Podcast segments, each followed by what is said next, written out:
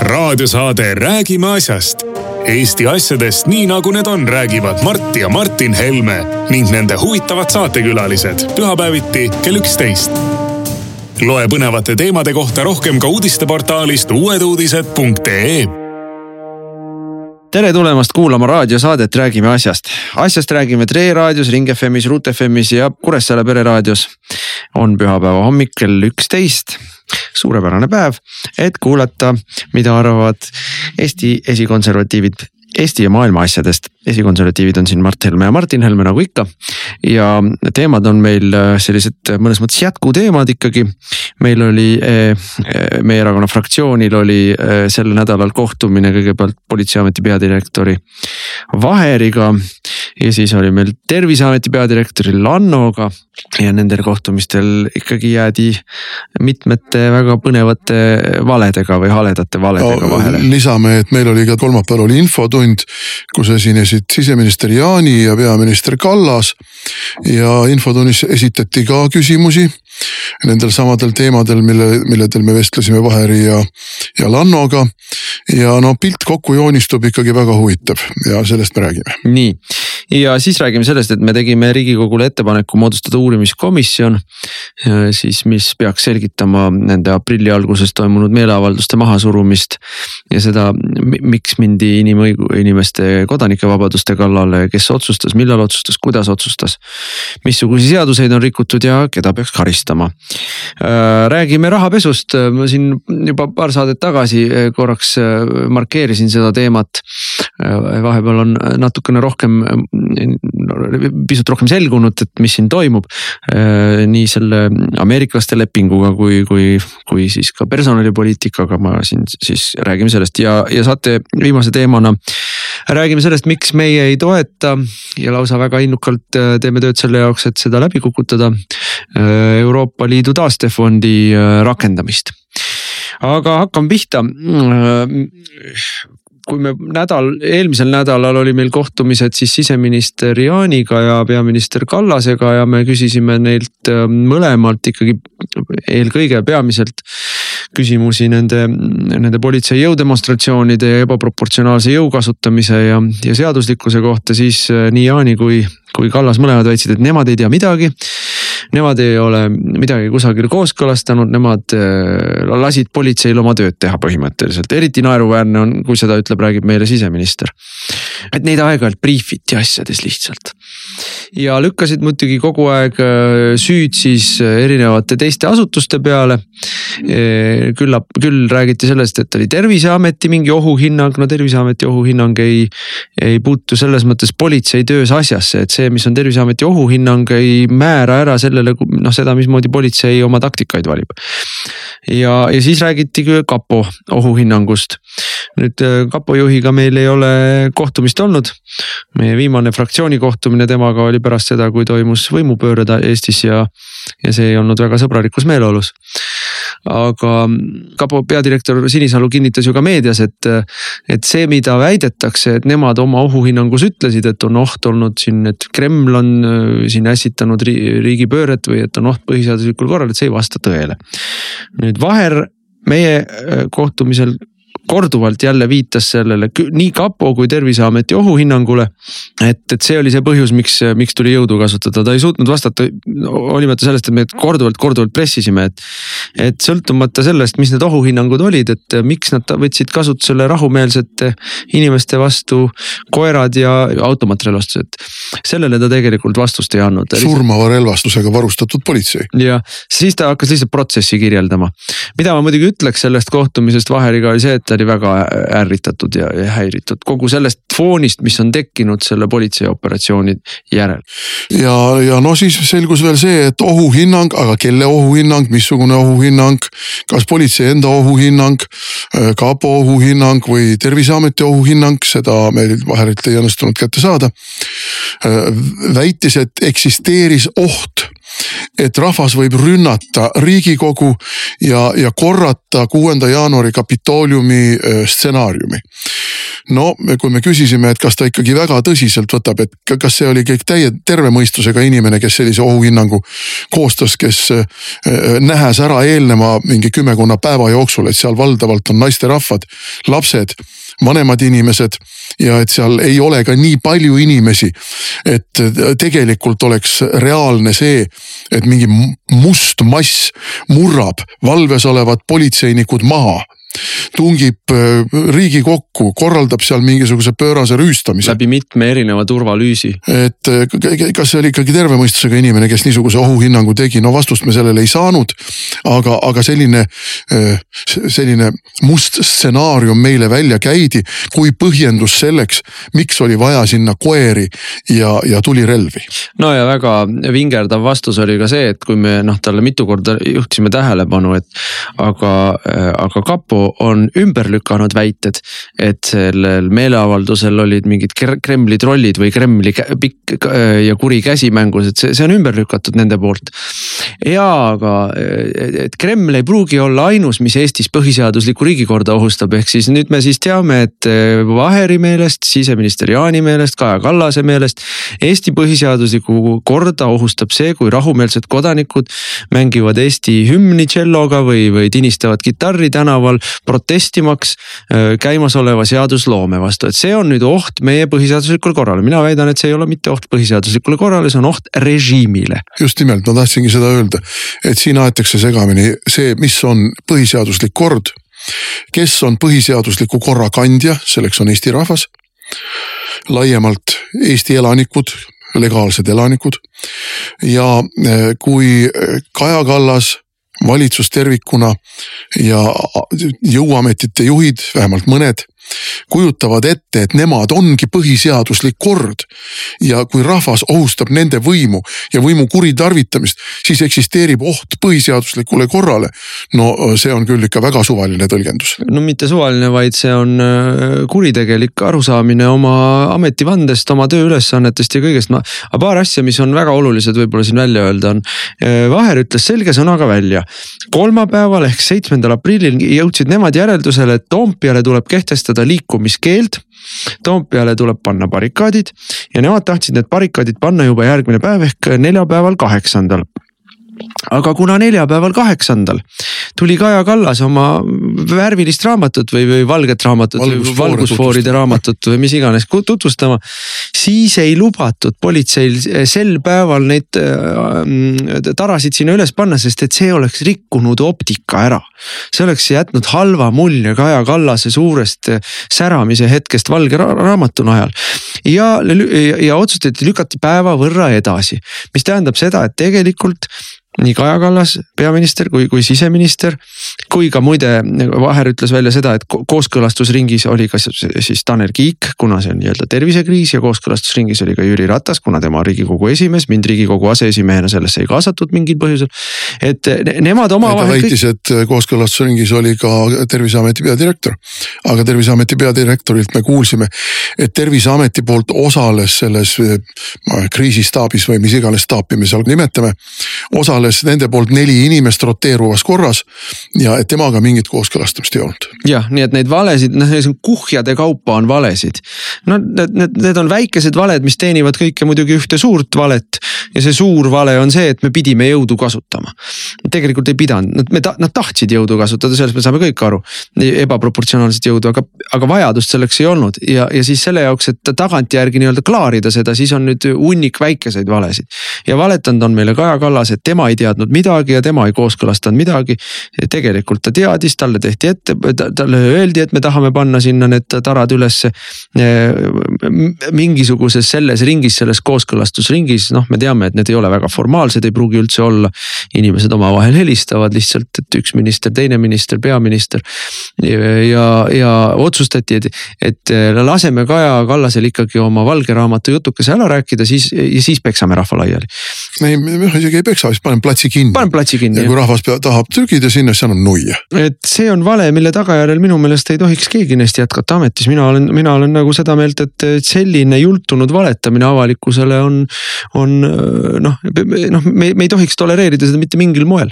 ja, ja noh, muidugi teine suur valede kimp, mis käib ja, ja siin on maru hea valetada, sellepärast et et saab pugeda riigisaladuse templi taha, on siis see kapo ohuhinnang, et noh, kapo peab meil hindama siis ohtu põhiseaduslikule korrale ja riigi julgeolekule ja nüüd, nüüd on siis kuna keegi ei saa seda paberit näha, siis, siis saab, siis saab selle paberi sisu kohta öelda, mida tahad ja, ja, ja noh, väide on see, et aga, aga me ei saa teile öelda ja te ei saa ka vaadata.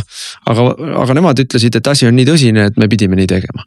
ja, ja noh, tegelikult Sinisalu on selle juba avalikult välja ja, ja no nüüd me oleme siis nädal aega üritanud kätte saada seda kapo ohuhinnangut. kusjuures siin on jälle nii Jaani kui Vaher on lubanud meile, et kõik vajalikud dokumendid meile edastatakse. me oleme teinud vastavad kirjad, me ei ole saanud, me oleme suusõnaliselt küsinud ja me oleme kirjad teinud ja me ei ole neid pabereid saanud. Ja neid pabereid ei saa isegi mm, siis julgeolekuasutuste järelevalvekomisjon. meil igast riigikogu fraktsioonist on julge, julgeolekuasutuste järelevalvekomisjonis üks liige, meilt on seal Gert Kingo, kes isegi oli ju ennem eelmise valitsuse ajal selle komisjoni esimees. Ja ja noh, see on asutus või see, see on parlamendikomisjon, millel on eriseadusega antud järelevalvefunktsioon julgeolekuasutuste üle, see on kapo üle, välisluure üle. ja, ja äh, kõike, mida nemad küsivad, kõigele peab vastama. ja nüüd on äh, siis äh, nädal aega käinud lolli mängimine, kapo ütleb, äh, nemad saatsid ära selle paberi sinna komisjoni, komisjonis öeldakse, et seda paberit ei ole. noh, kui ma siis nagu edasi uurisin, et aga noh, kus ta siis on, et üks ütleb, et me saatsime, teised ütlevad, me pole saanud. siis tuleb välja, et aga komisjoni liikmetele ei olnudki ette nähtud, et nad näeksid seda, komisjoni esimees saab seda ainult näha. Ja komisjoni esimees on Jürgen Ligi. nii et äh, parlamentaarne järelevalve julgeoleku asutuste üle. kui see tõepoolest nüüd nii on, noh, me siin torgime seda teemat edasi, on täielik nali, seda ei eksisteeri see on täielik nali, järelevalveasutus, mis ei saa, mille, mis ei saa mat-, mitte midagi küsidagi. järelevalvatav otsustab, kas nad üldse ütlevad midagi, annavad midagi, näitavad midagi, kui palju näitavad. see ei ole ju järelevalve see ei ole ju parlamentaarne järelevalve julgeolekuasutuste üle.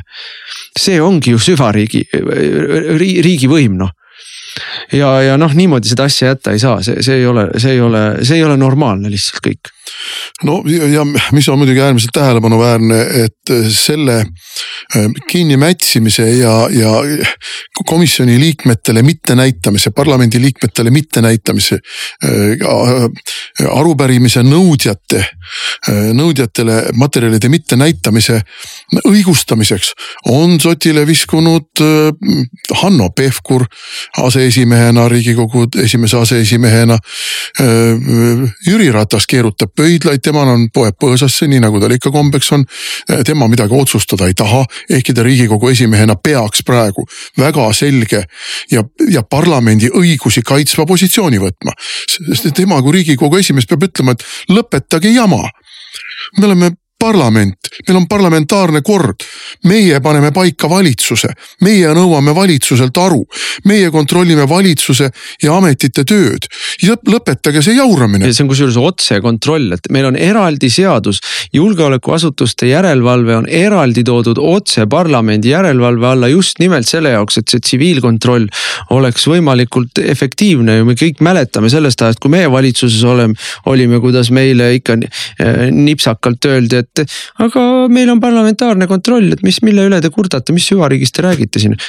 tuleb välja, et parlamentaarse ähm, järelevalvekomisjoni liikmed ei saa materjale kätte. ei no me teame seda ju ammu, me teame seda ju ka valitsusest, me valitsuse julgeolekukomisjoni liikmetena saime iga paari nädala tagant mingisuguseid briifinguid, no mis briifinguid me saime, mis briifinguid tegi meile näiteks välisluure, sisuliselt mingisuguseid rahvusvahelisest ajakirjandusest kokku korjatud nupukesi tutvustati. no, no mis me sellega peale hakkame? ma olen võimeline erinevates keeltes lugema rahvusvahelist meediat. mitte midagi uut, mitte mitte midagi tõeliselt salajast sealt ei tulnud, kõik need ohuhinnangud ja kõik see niisugune noh. meil on kaks põhju-, kaks tõlgendust, me oleme seda vist ka varem öelnud. esiteks, kas nende tase ongi nii madal, mis on ju traagiline, kui see nii on. või teiseks, valitsuse liikmeid ei usaldata Need asutused, välisluure, kaitsepolitsei, sõjaväeluure, kriminaalpolitsei peavad ennast nii riik riigiks iga, igaüks. et nemad tegelevad nii sensitiivsete asjadega, et seda peavad nad kõike oma kõhu all kinni hoidma. ja jumala eest mingitele poliitikunärvudele ei tohi hingatagi sellest, millega nad tegelikult tegelevad, sest et mine sa neid hulle poliitikuid tea, keeravad midagi väga väärtuslikku kihva. ei no ma arvan, et poliitikul ja poliitikul on vahe ikka. et äh, on, on vanad head parteid, kellele võib mõnusasti näidata mingisugust. aga ega neile ei näidata, aga nad ei tunne huvi ka. no nemad ei tunne huvi jah, nad teavad, et parem on mitte teada, uni on parem. aga, aga noh, kui vaja on, siis nad näitavad ja lekitavad ka poliitiliste vastaste kohta mingeid mõnusaid materjale äh, õigel hetkel. et jälle oma, et jälle oma agendat ajada, aga nüüd. aga selle... seda, mida meie praegu räägime, seda needsamad liberaalid need, need valged poliitikud nimetavad ju lõhestustegevuseks. meie populistlikult kasutame praegu ära seda, et politsei näitas jõudu. süüdistame eh, politseid ja, ja valitsust selles, et juurutatakse politseiriiki. et see on lõhestamine, me töötame Eesti riigile vastu, me teenime Kremli huve. see, et me võitleme praegu põhiseadusliku korra eest, et süvariik ei saaks põhiseaduslikku korda kaaperdada. see on lõhestustegevus aga see, mida nemad teevad, ei ole lõhestustegevus. no nemad põhimõtteliselt äh, ju noh, see, see, see, see suur saavutus, millega sai Kaja Kallase valitsus hakkama mõne kuuga, on see, et Eesti inimeste, väga suure hulga Eesti inimeste usk ja usaldus oma riigi vastu sai jälle järjekordselt tohutu matsu. seesama palju kiidetud politsei, kelle usaldusväärsus on väidetavalt üle üheksakümne protsendi, sai tohutu matsu. ja, ja, ja ühiskondlik lõhe e, e, eliidi ja rahva vahel ja, ja, ja, ja ütleme siis valitseva, valitsejate ja valitsetavate vahel on veel suuremaks kärisenud, et aga see ei ohusta mingil moel meie demokraatiat, meie põhiseaduslikku korda, meie õigusriiki, see on tudi-mudi. ja, ja, ja nüüd, kuna me oleme jõudnud sellisesse absurdi olukorda ka selle kapo komisjoniga ehk siis julgeolekuasutuste järelevalve komisjoniga, siis me tegime riigikogus, riigikogus eelnõu, et moodustada eraldi uurimiskomisjon riigikogus, mis tegeleks konkreetselt selle aprilli politseioperatsiooni korruptsiooni uurimisega. noh, saab nüüd näha, kes, kes seda toetab, ma üldiselt arvan, et selle eelnõu menetleminegi venitatakse nii kaugele, et me jõuame esimesele lugemisele võib-olla alles septembris. aga noh, jõuame siis, kui jõuame, ega siis selleks ajaks ei ole ega need sündmused ei, ei, ära ei kao selleks ajaks kuskile. ja, ja, ja, ja eesmärk on väga lihtne. vaja on välja selgitada. esiteks loomulikult täpselt need, needsamad ohuhinnangud, kes neid koostas, millele tuginedes koostas, kas inimesed lihtsalt sülitasid korraks lakke ja mõtlesid, et ahaa, nüüd on põhiseaduslik kriis ja selle tõttu me noh, paneme kirja, et on põhiseaduslik kriis ja selle tõttu saadame välja erine-, eri noh, tohutud jõud. või, või on neil ka mingisugune noh lähtematerjal materjal, mingisugune andmestik, noh lõppkokkuvõttes neile ju mingisugune noh, ohuhinnang peab ju millelegi põhinema. Äh, mitte lihtsalt paanikaatakil ja, ja seda on vaja näha ja, ja vaja on näha ka seda siis, missugused olid need kooskõlastusringud, kes mis etapis mida otsustas, millal otsustasid ametnikud, millal otsustasid nende ülemused, millal otsustasid poliitikud. vaja on, vaja on tuvastada seda, äh, missuguseid seaduseid on rikutud, sest et seaduseid on rikutud massiliselt siin. see, et inimestelt võeti kitarre ja mannerguid ära, see on seaduse rikkumine, see, et inimesed kooriti paljaks, see on seaduse rikkumine. see, et inimestele tehti trahve mingisugused noh, täiesti suvaliselt laest võetud korrakaitse paragrahvide alusel, see on tegelikult seaduse rikkumine. ja, ja see, et takistatakse inimestel põhiseaduslike õiguste realiseerimist, see on ka seaduse rikkumine ja seaduse rikkumise eest tuleb, tuleb tuvastada süüdlased, tuleb karistada neid. ja tuleb äh, analüüsida ikkagi, kuidas sai võimalikuks, et, et see kõik nii sujuvalt Eestis juhtus et nii saabki teha.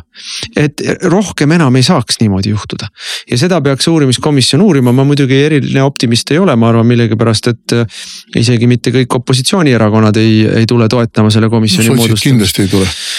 Aga noh, see, see näitab nende, nende tegelikku suhtumist sellest, kui palju neile tegelikult läheb korda Eesti, kui, kui palju neile läheb korda õigusriik.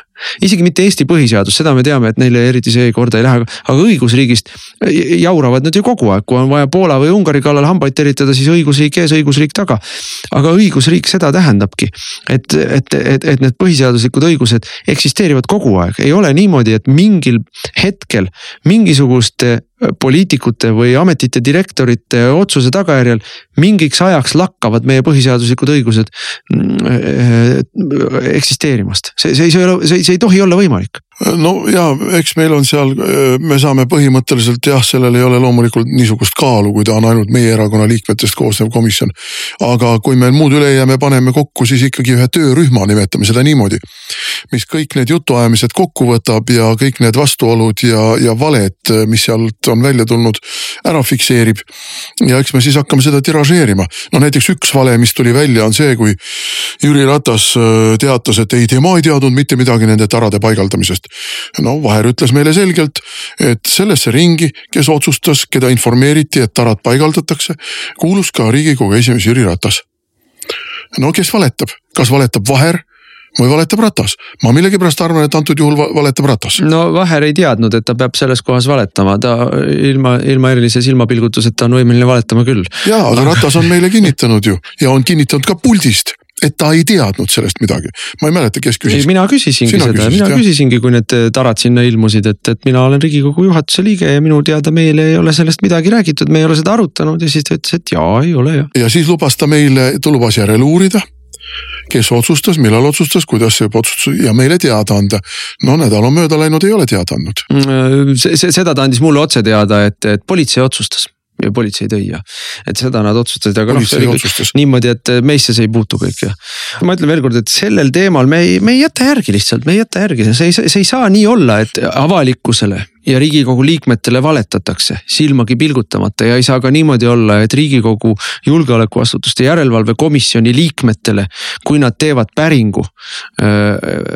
noh, ütleme suure avalikus, avaliku huviga asja, juhtumi asjaolude selgitamiseks öeldakse, et sul puudub teadmisvajadus sul puudub teadmisvajadus, järelevalvekomisjoni liikmele öeldakse, sul puudub teadmisvajadus, et noh, see ei saa nii olla. see, see sellisel juhul noh lõp, lõpetame selle nalja mängimise ära, saadame selle julgeolekuasutuste järelevalvekomisjoni laiali, saadame selle parlamendi üldse laiali, et. et meil on siin ametite direktorid, kel, kes teavad paremini, kuidas riiki valitseda.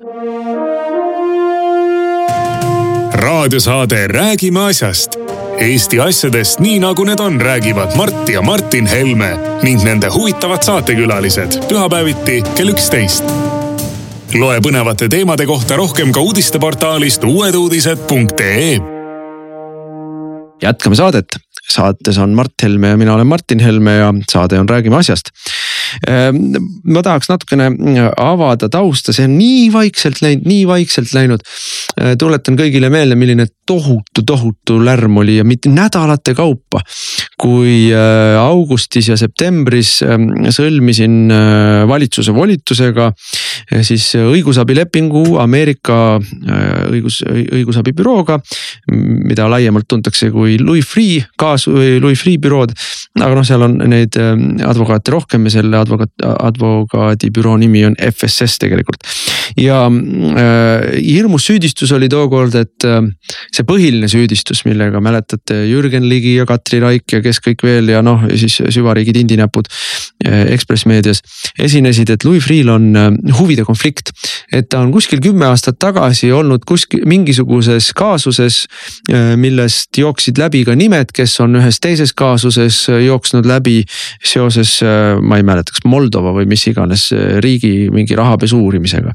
noh, see, see kõik oli nii, see oli nii, see oli kõik nii kokku klopsitud ja, ja, ja, ja see kaude vihjete peale üles ehitatud jutt, et see pole kunagi tõsi olnud, aga noh, rasvased, suured, punased, rasvased pealkirjad päevast päeva taoti. kuidas see on praktiliselt kuritegelik kõik, mis ma tegin. ja, ja noh, kui nüüd tuli uus valitsus, siis üks, üks, üks esimesi asju, mida meie uus rahandusminister Keit Pentus-Rosimannus tegi, viis valitsusse selle õigusabilepingu lõpetamise. ennem veel, kui nad õigusabilepingu lõpetasid, olid, jätsid, otsustas rahandusministeerium jätta välja maksmata umbes kahesaja tuhande eest arveid sellele õigusbüroole Need arved on õhus. maksmata arvete pärast otsustas siis Louis Freeh büroo tegelikult ise lepingu katkestada, ütles, et ei täida oma lepingupoolseid kohustusi, meie leping on katkenud. lepingu äh, ja need nõuavad Eestilt välja nii seda kahtesadat tuhandet kui ka kuutekümmet tuhandet lepingutrahvi. aga, aga asi läheb palju äh, noh, me jõuame nagu ivani kui me paneme siia kõrvale paralleelse äh, sündmuste kulu koos Louis Freeh lepinguga otsustas ju äh, meie valitsus, et äh, saadame Ameerikasse ka justiitsatašee, kelle ülesanne on siis noh, kui see, see nii-öelda õigusbüroo oli eraõiguslik, et siis ka riigi poolt prokuratuuri ja esindajana töötab seal inimene, kes spetsiaalselt äh, aitab Eesti uurimisorganitel ja Ameerika uurimisorganitel ametlikul tasandil siis seda rahapesu teemat edasi lükata. ja Raivo Aeg seda inimest mitte kuskilt ei leidnud ja mitte kuidagi sellega ei tegelenud ja meie valitsuse ajal jäigi see inimene sinna saatmata, noh tuli uus valitsus. ja nemad leidsid inimese, nemad leidsid ideaalse inimese peaaegu. ja see ideaalne inimene on Indrek Tibar. Tibar on töötanud äh, kahe tuhandendate äh, ütleme siis alguses töötas politseis, kriminaalpolitseis tegeles majanduskuritegudega. kahe tuhande seitsmendal aastal läks tööle äh, Hansapanka või Swedbanka, vabandust. töötas seal kuni kahe tuhande kaheteistkümnenda aastani. Eh, ehk sellel perioodil, mil Eestis oli rahapesu kõige kuumem hetk, kõige kuumem aeg. Äh, ja siis läks uuesti politseisse tööle, töötas politseis peadirektori asetäitjana kahel erineval, kahel erineval peadirektori asetäitja kohal. ehk siis praktiliselt politsei tippjuhtkond oli sel ajal. Eh, olles tulnud ennem Swedbankast ja siis läks kahe tuhande viieteistkümnendal aastal Swedbanka tagasi. ja nüüd eh, on siis töötanud tänase päevani seal Swedbankis ja äh, eriti pikantne, töötas rahapesu tõkestamise nii-öelda siis äh, üksuse juhina ehk siis tema on see, kes pidi hoidma ära Swedbankis rahapesu ja nüüd see inimene siis valiti välja meie justiitsatašeeks Ameerikasse, et ta läheks ameeriklastel, aitaks uur, äh, edasi viia uurimist Swedbanka vastu. no kui kuskil on äh, õpiku näide huvide konfliktist siis siin on õpiku näide huvide konfliktist. kõigepealt töötab inimene politseis majanduskuritegude peal, saab saab väga selgelt täpselt teada, mismoodi see majanduskuritegude äh, maailm toimub. siis läheb Swedbank ka kuritegude järelevalve peale. ehk siis vaatama, et rahapesu ei tehtaks, olles eelnevalt tegelenud rahapesu teemadega. on kõige kuumemal rahapesu perioodil Swedbankis tööl, siis läheb tagasi politseisse kõrgele kohale noh, ma küsiks, et kas, kas takistama politsei liigset huvi tundmist Swedbanki asjade vastu või. ja kui on seal ära olnud mõned aastad, siis läheb tagasi Swedbanka tööle. et noh, see on, see on pendeldamine ikkagi noh, kahe vastaspoole vahel ja, ja, ja nüüd siis pannakse vaata järele valvama seda, et Eesti ja Ameerika äh, uurimisalane koostöö Swedbanka osas kuhugi ei jõuaks. see on täpselt see, mida ta pandi sinna tegema. Ja noh, mina olen rääkinud siin mõnede ameeriklastega, kellega ma suhtlesin äh, ka, kui ma olin rahandusminister, noh ameeriklaste hoiak on täpselt ühene, et, et pole lootustki et Ameerika uurimisorganid sellise inimesega mingitki rahapesualast koostööd teeks. ja pole lootustki, et Ameerika uurimisorganid pärast sellist sammu Eesti prokuratuuri võtaks tõsise partnerina rahapesualases äh, uurimises. aga nüüd me jõuame äh, selle Freeh lepinguni uuesti. miks hoiab rahandusministeerium kinni kahtesadat tuhandet? sest et nad nõuavad, et Freeh ja, ja, ja siis advokaadibüroo esitaks neile kõik need materjalid, mida nad said ja kõik need tunnistused, mida nad said siis oma selle perioodi jooksul, mil nad hakkasid Eestis seda rahapesu asja uurima. ja noh, nagu ma olen mitmel korral öelnud, eh, see, see uurimine läks Eestis mürinal käima. Nad said vilepuhujad, nad said, nad said tunnistusi, nad said dokumente. ja, ja kogu selle, kogu selle nende tegevuse põhieesmärk ei olnud mitte koguda materjali Eesti uurimisorganitele, vaid koguda materjali Ameerikasse. ja, ja, ja, ja näidata kahte asja, esiteks aidata ameeriklastel viia läbi oma uurimisi ja saada kätte oma trahvid. aga teiseks siis äh, näidata ameeriklastele ka seda, et Eesti valitsus pingutab selle nimel, et rahapesuga tegeleda. ja nüüd on põhimure, mis Keit Pentus-Rosimannusel on, on teada saada, mida siis nende vilepuhujate käest teada saadi ja kuni ta seda teada ei ole saanud, senikaua raha välja ei maksta. ja miks neil seda vaja siis nii kangesti teada on saada, see on nüüd hea küsimus. Äh, alati eksisteerib äh, sellistel kuritegelike rahavoogude puhul äh, kaks tagatise loomise süsteemi. üks on hirmutamine. üks on hirmutamine, koristatakse sind lihtsalt ära. Aga teine on kinnimaksmine. Ja kui meil läksid kakssada miljardit läbi siis siin kinnimaksmine, see on nii peenraha, kusjuures see on alati sisse arvestatud mingi protsent, mis lähebki vaikuse ostmise peale selle, selle tohutu raha, kas keegi kujutab üldse ette, mis on kakssada miljardit? no võtame, võtame natukene väiksema summa, võtame kümme miljonit eurot. tavalisele Eesti inimesele kümme miljonit eurot on hiigelsuur raha. ta mõtleb kohe, mida ma, oi, ma võin osta endale maja, ma võin osta endale luksusauto, ma võin osta endale kaatri okei okay,, siis ei ole, aga siis ei ole poolt ka veel kulunud. aga siis ei ole, siis on, siis on ka ära kulunud võib-olla seal mingi paar-kolm miljonit ainult ja mida Eestis tehti? ongi kaks võimalust, kas hirmutati ära, aga võib-olla see Venemaa keskpanga asedirektori mahalaskmine oli hirmutuseks meie tüüpidele tapeti Venemaal ära, et siin mitte kära ei tekiks. noh, eks neid tapmisi toimus ka sellepärast, et inimesed läksid ahneks. alati on ka see. ja, ja, ja vargad varastasid varastelt. aga noh, selge on see, et äraostmine on alati lihtsam ja mõnusam, sellepärast et noh. noh, surnukehad tekitavad alati küsimusi ja inimesed, kes on ära ostetud noh, on sulle kasulikud ka tulevikus, surnud inimesed ei tee sinu jaoks no, tööd. Need inimesed on, sa oled nad orjastanud. jah, nad on sinu jaoks kasulikud ja, ja nüüd ma ütlengi, et pankurid ja politseinikud, kes pendeldavad omavahel panga ja politsei vahel, prokuratuuri ja, ja, ja, ja panga vahel. järelevalve ja järelevalvatavate vahel ja noh, see, see, see ei, see ei absoluutselt ei näe hea välja, see absoluutselt ei ja, ja aga noh, suurem küsimus on see, et kui kahe tuhande, ma ei tea, kümnendal, kahe tuhande kaheteistkümnendal aastal võis veel uskuda, et Eesti järelevalveasutused ja Eesti poliitiline tasand lihtsalt magas maha rahapesu, no ei osanud arvata, olime naiivsed, vähe jõude, tegelesime suuremate argimuredega. et, et noh no läks nii, noh paha lugu läks nii, et nüüd me oleme targemad. siis pärast seda, mida on tehtud selle Louis Freeh lepingu lõpetamisega. pärast seda, eh, miks seda on tehtud, et kätte saada, et kindlasti teada saada, mis info siis liikus, kui palju saadi teada. pärast seda, kui on saadetud rahapesu eh, kahtluse all oleva panga rahapesu järelevalve juht eh, prokuratuuri esindajaks Ameerikasse. pärast seda puudub heatahtlik seletus, et noh kuidagi me ei saanud, me ei osanud. see puudub, ei ole võimalik enam heatahtlikku seletust. see ongi kõik mätsimine, see ongi kõik üks maffiariik e, noh, nad on ise välja öelnud, et me ei maksa enne seda kahtesadat tuhandet ära, mis on muidugi äh, Freeh Sporkin Sullivani äh, käivete juures peenraha aga et me ei maksa seda enne ära, kui me ei saa kõike nende poolt kogutud materjali endale.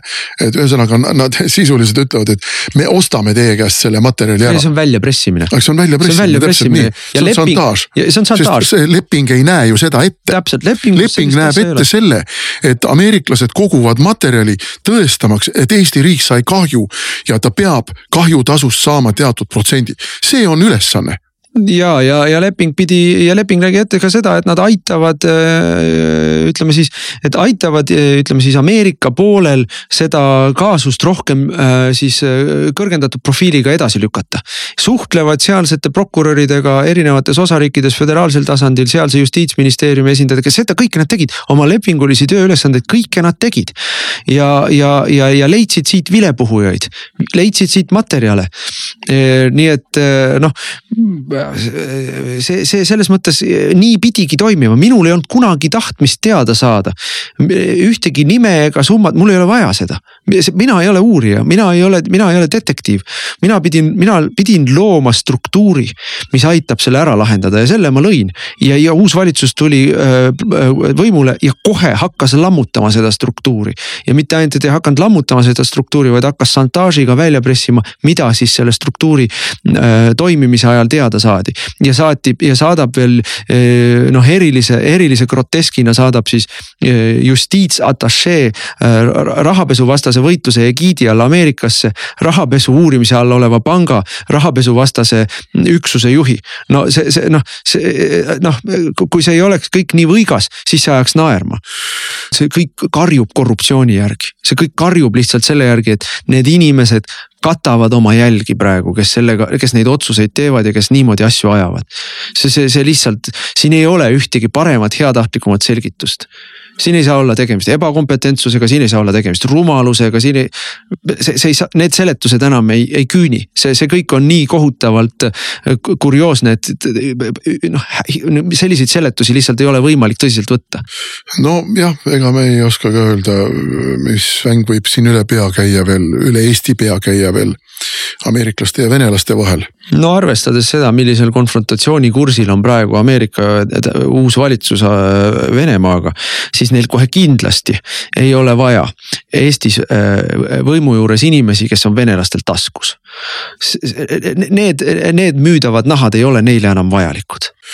noh, eks me vaatame, eks me vaatame, millal tuleb siis uus riigipööre meie kasuks raadiosaade Räägime asjast. Eesti asjadest nii nagu need on, räägivad Mart ja Martin Helme ning nende huvitavad saatekülalised pühapäeviti kell üksteist. loe põnevate teemade kohta rohkem ka uudisteportaalist uueduudised.ee jätkame saadet, saate nimi on Räägime asjast, Mart ja Martin Helme räägivad asjast. Äh, mõne sõnaga siis räägime sellest taastefondi teemast, mis, ähm, mis siin ka meedias on nüüd hirmsa. Eh, no, no ja hirmsa ähkimise puhkimisega on käima läinud ja pidigi minema, õige ongi. noh, natuke võib-olla tausta, äh, meil äh, koroonakriisi puhkemisel loodi kõigepealt Euroopa Liidu rahandusministrite poolt erinevad toetusmehhanismid erinevatele riikidele, noh nende, noh nende nii-öelda Euroopa Liidu eelarve sees tõsteti tõsteti siia-sinna rahasid ümber. Mm, loodi seal äh, siis mingid toet-, noh erinevad äh, krediidimehhanismid, et äh, eriti hädas olevat riike abistada, et me olime selle kõigega nõus, mina olin ka sellega nõus. see oli mõistlik, see oli aluslepingutega kooskõlas ja, ja noh, ma arvan ka, et põhjendatud aga siis ühel hetkel see mm, said muidugi euroföderalistid aru, et ühtegi head kriisi ei tohi raisku minna ja, äh, ja hakati rääkima ikkagi, et sellest kõigest ei piisa. tuleb luua ikkagi nii suur, nii suur abipakett, et, et sellest kohe oleks kasu. ja, ja siis tuli see taastefondi äh, väljatöötamine, nüüd oluline noh, Eesti kontekstis on oluline see, et seda tegi, tehti peaministri tasandil, et see ei käinud üldse läbi rahandusministeeriumi, see mind sinna ei kaasatud üldse. Ja noh, lõpuks muidugi valitsuses. ma lõikangi vahele siin kohapeal Tanel Kiik on juba prääksatanud, kuidas eh, EKRE enda osalusega valitsus valitsuses oli, oli, kiideti see heaks ja, ja EKRE ei olnud siis üldse vastu, olime küll olime küll vastu, olime küll vastu. olime valitsuses ka vastu, me ütlesime selge sõna. me väga-väga põhjalikult vaidlesime, see oli väga tõsine jälle vaidlus, Tanel Kiik ei olnud selle vaidluse juures. aga Jüri Ratasel oli vaja minna Euroopa Ülemkogule ehk peaministrite kohtumisele ja saada mandaat et leppida kokku neid asju. ja äh, selle mandaadi äh, saamiseks me pidasime pikki-pikki läbirääkimisi just Eesti-siseselt, et mis tingimustel me siis võime nõus olla ja need tingimused, mis me sinna panime, olid väga konkreetsed. et oleme nõus tingimusel, et see ei too kaasa üle-euroopalisi makse. oleme nõus tingimusel, et see ei too kaasa euro, äh, liikmesriikide eelarve suveräänsuse vähendamist. oleme nõus tingimusel, et äh, väljamakseid ei tohi siduda siis sisepoliitiliste valikutega. et nendel tingimustel me oleme nõus ja pluss ütlesime me sinna ma, ma ei ole kindel, et me selle ära protokollisime valitsuse otsusesse, aga igal juhul oli see täiesti selgelt teada valitsuses. et ja ma ütlesin väga selgelt, meie fraktsioon taastefondi ei toeta, sest see on väga pikk samm Euroopa föderaliseerumise suunas, et kui see asi lõpuks parlamenti jõuab ja noh, meie noh, eeldus tol ajal oli, et me oleme ju veel valitsuses edasi. et siis me parlamendis ei hakka seda toetama ja noh, väga suure tõenäosusega, kui koalitsioonivalitsuses üks osapool ütleb, et me ei ole nõus, äh, siis see asi olekski seisma jäänud. aga äh, kõikide nende tingimuste osas, mida ma siin just loetlesin ja seal neid tingimusi oli veel. Äh, vähem kui aasta hiljem, need tingimused on kõik unustatud. Vähem kui aasta hiljem on need tingimused unustatud, juba räägitakse CO maksust, plastikumaksust, räägitakse digimaksudest, kõik, mis lähevad Euroopa siis liidule ja Euroopa Liit kehtestab.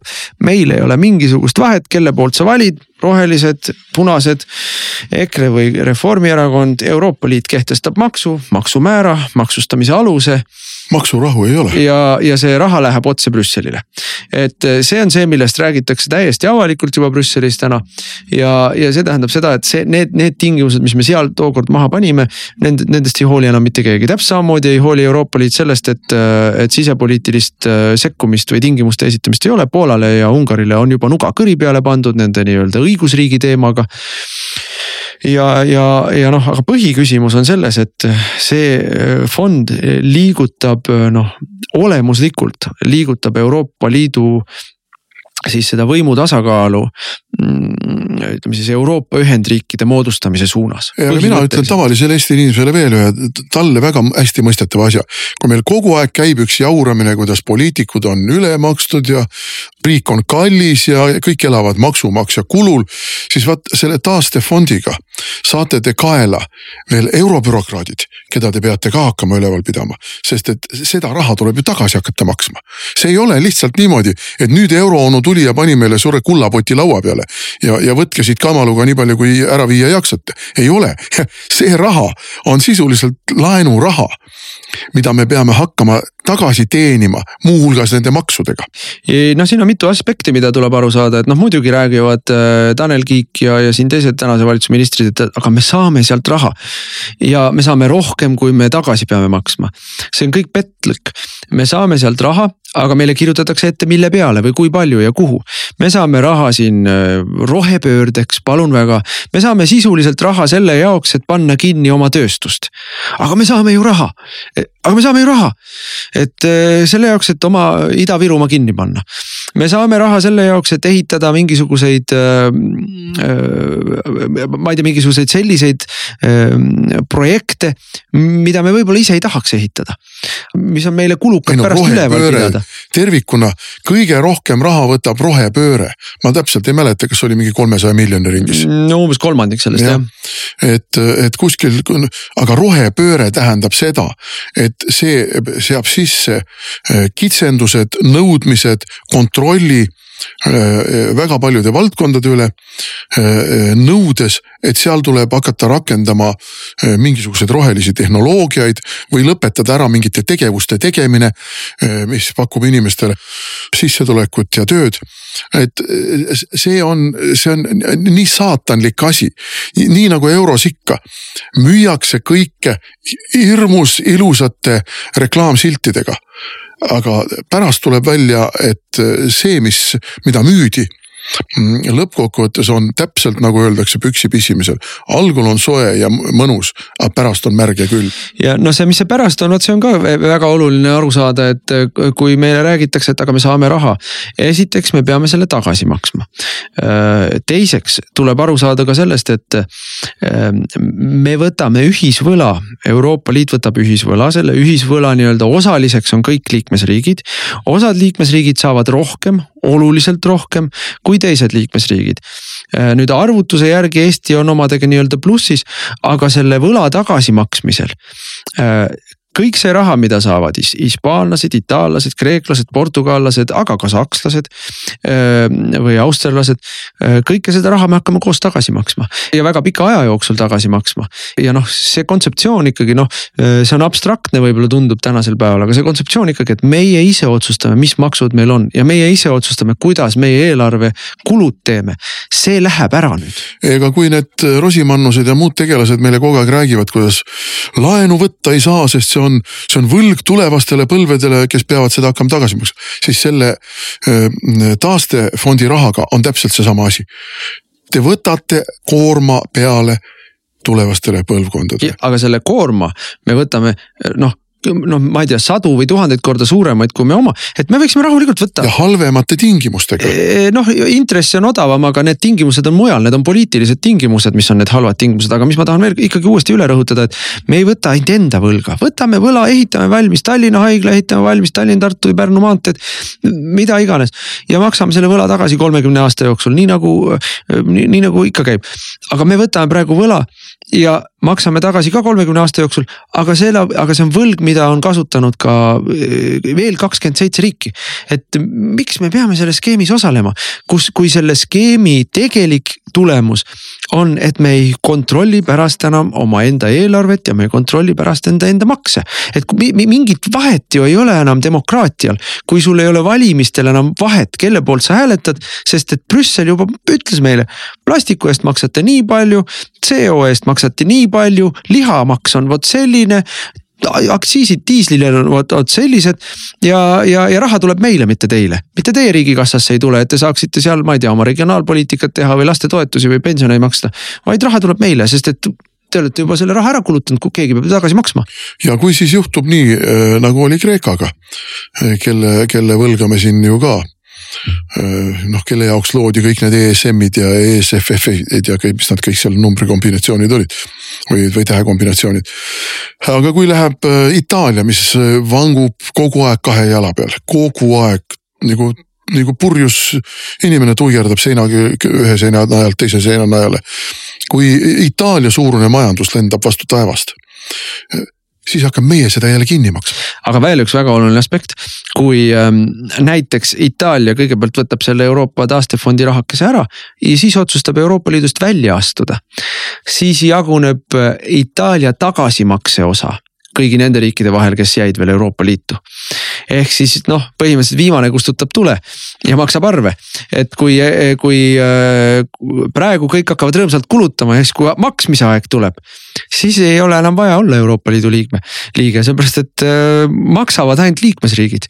ja, ja selles mõttes noh, see, see kogu see mehhanism tegelikult no, mina ütleksin Äh, noh, on, on väga äh, julge plaan euroföderalistidel Euroopa Liidu, äh, Euroopa Ühendriikide ehitamiseks. aga selle julgel plaanil on oma väga tõsine riskifaktor sees ja see riskifaktor on see, et kõigepealt riigid ei pruugi tahta olla nõus selle taastefondi heakskiitmisega. ehkki siin suure rahaga on ikkagi kõigil pead sassi aetud, et te saate nii palju, noh, see argument oli juba aasta tagasi. aga kui maksmiseks läheb, siis on kõigil väga kasulik Euroopa Liidust jalga jalga lasta. ja noh, meie ju liigume väga kiirelt sellel kursil, et me hakkame Euroopa Liidus pealemaksvaks riigiks, mitte me ei ole saav riik.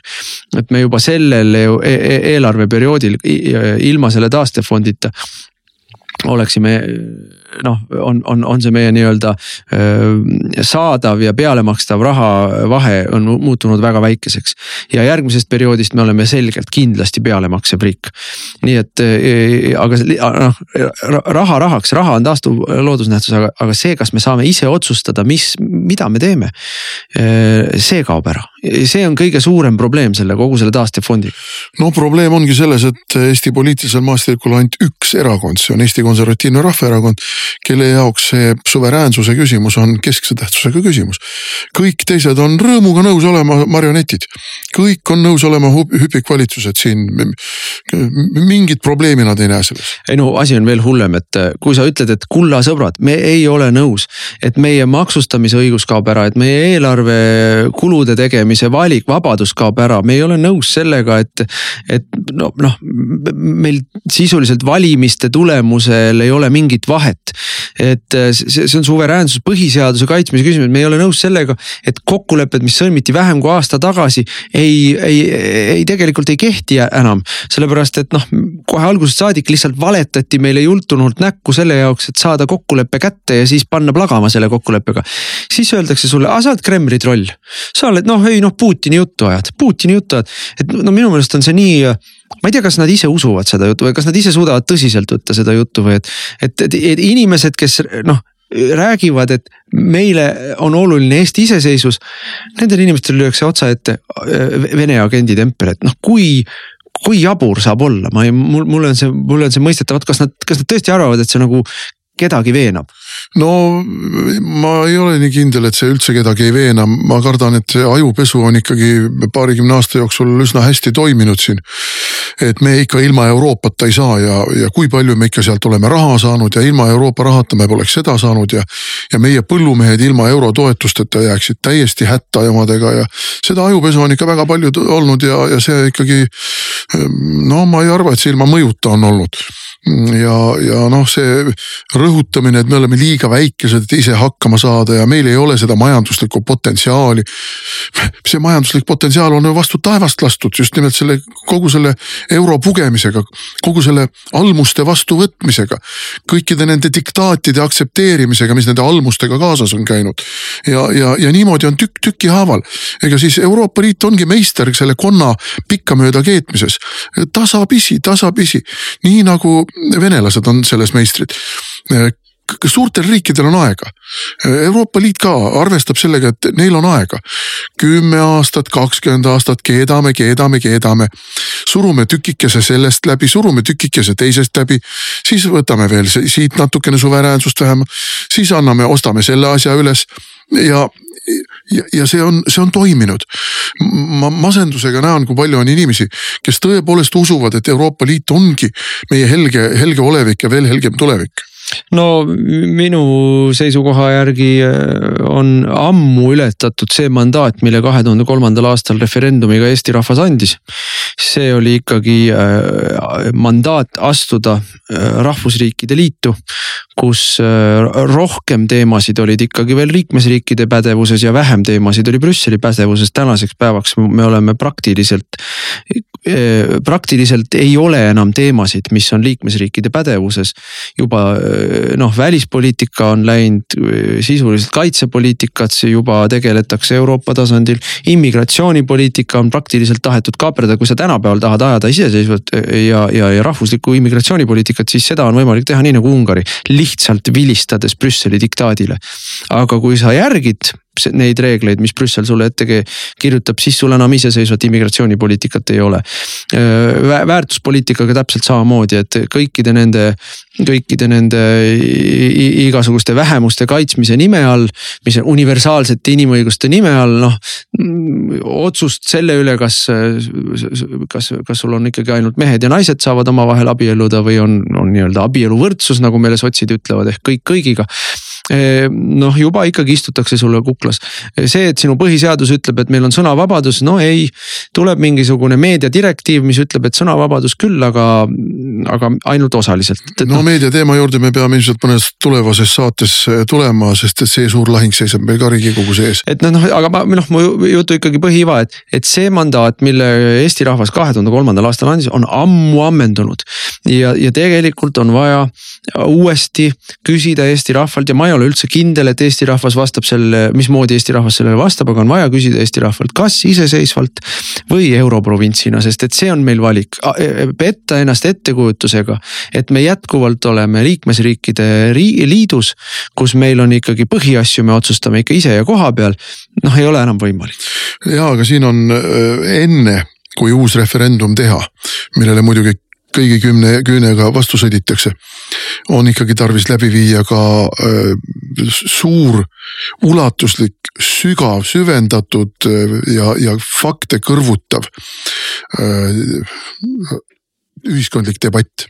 ühiskondlik debatt, et, et inimestele kohale jõuaks, sest nagu ma ütlesin, inimeste ajusid on kakskümmend aastat pestud sellega, et Euroopa Liit on ainus võimalus, ainus võimalik olemis, olemasolev, olemasolemise viis. ja, ja nüüd on tarvis see asi laiali kiskuda, pulkadeks lammutada jupid punaseks värvida, mis, mis on valed, mis ei sobi sellesse tegelikku puslesse. ja, ja, ja inimesed peavad mõtlema hakkama selle üle, kus me oleme ja mis meid ees ootab. nii et lihtsalt öelda, et teeme järgmine nädal referendumi, seda me ei saa. ja, ja, ja, ja et selgelt ikkagi ka esile tuua seda, et aga kes siis otsustab selle plastikumaksu, kas seda nii nagu me siiamaani kõik oleme harjunud, nagu meie põhiseaduses on kirjas, nagu kõik valijad usuvad, et maksude küsimused on Eesti parlamendi otsus, et me ei saa ühtegi, ühtegi maksu inimeste taskust võtta, kui Eesti parlament ei ole nii otsustanud. aga siis meile öeldakse, aga Eesti parlament ju otsustab, lihtsalt ta ei saa teistmoodi otsustada et nii nagu meil need direktiivid ja määrused muudkui rullivad sealt, et ja, ja Eesti parlament otsustas, aga tekst oli ette kirjutatud ja vastus on ka ette kirjutatud. no aga see ei ole ju parlamentaarne suveräänsus ja see ei ole ka kõrgema võimu suveräänsus. kui sul on, kui sul on Brüsselis lepitakse kokku, prantslased, sakslased lepivad omavahel kokku ja ütlevad kõigile teistele, et nii on. ja siis see tekst tõlgitakse eesti keelde, pannakse riigikogu laua peale, komakohta sa seal muuta ei tohi. ja riigikogul ja, ja mahahääletamist variantina ei, ei, ei ole õigust. no siis andke andeks, mis asi see on? ja, aga need rahvad on ka ärkamas need rahvad ei taha ka kolhoosis elada. AfD, Alternative für Deutschland on ka püstitanud äh, küsimuse, et Saksamaa peaks Euroopa Liidust lahkuma. Prantsusmaal on täpselt samuti, on Dexit ja on Frexit. prantslaste hulgas on täiesti arvestatav toetus Euroopa Liidust lahkumisele. kusjuures selle taastefondiga võib Saksamaal äh, väga suuri äh, poliitilisi muutusi tulla. et see noh, Saksamaa sisepoliitikasse praegu enam ei jõua, saateaeg saab otsa, aga, aga see, see, sakslased saavad suurepäraselt aru, et et tegelikult kõige suurema osa sellest taastefondi tagasimaksmisest ju, ju peavad nemad enda kanda võtma. ja ühel hetkel meil võib tekkida olukord, kus Euroopa Liitu jäävadki ainult Kreeka, Hispaania, Itaalia ja, ja Portugal koos kõikide nende võlgadega kes lähevad järjest pankrotti ja hakkavad Vahemerel slikerdama, kes, kes, kui palju mingeid võlgasid peab maksma. vot nii, selline tulevikuvõimalus äh, jäägu meile siin seedida järgmiseks nädalaks. Äh, täname kõiki kuulamast ja kuulake meid jälle nädala pärast Te kuulasite raadiosaadet Räägime asjast. saate eest tasus Eesti Konservatiivne Rahvaerakond. järelkuulamine internetis treeraadio.ee ja uueduudised.ee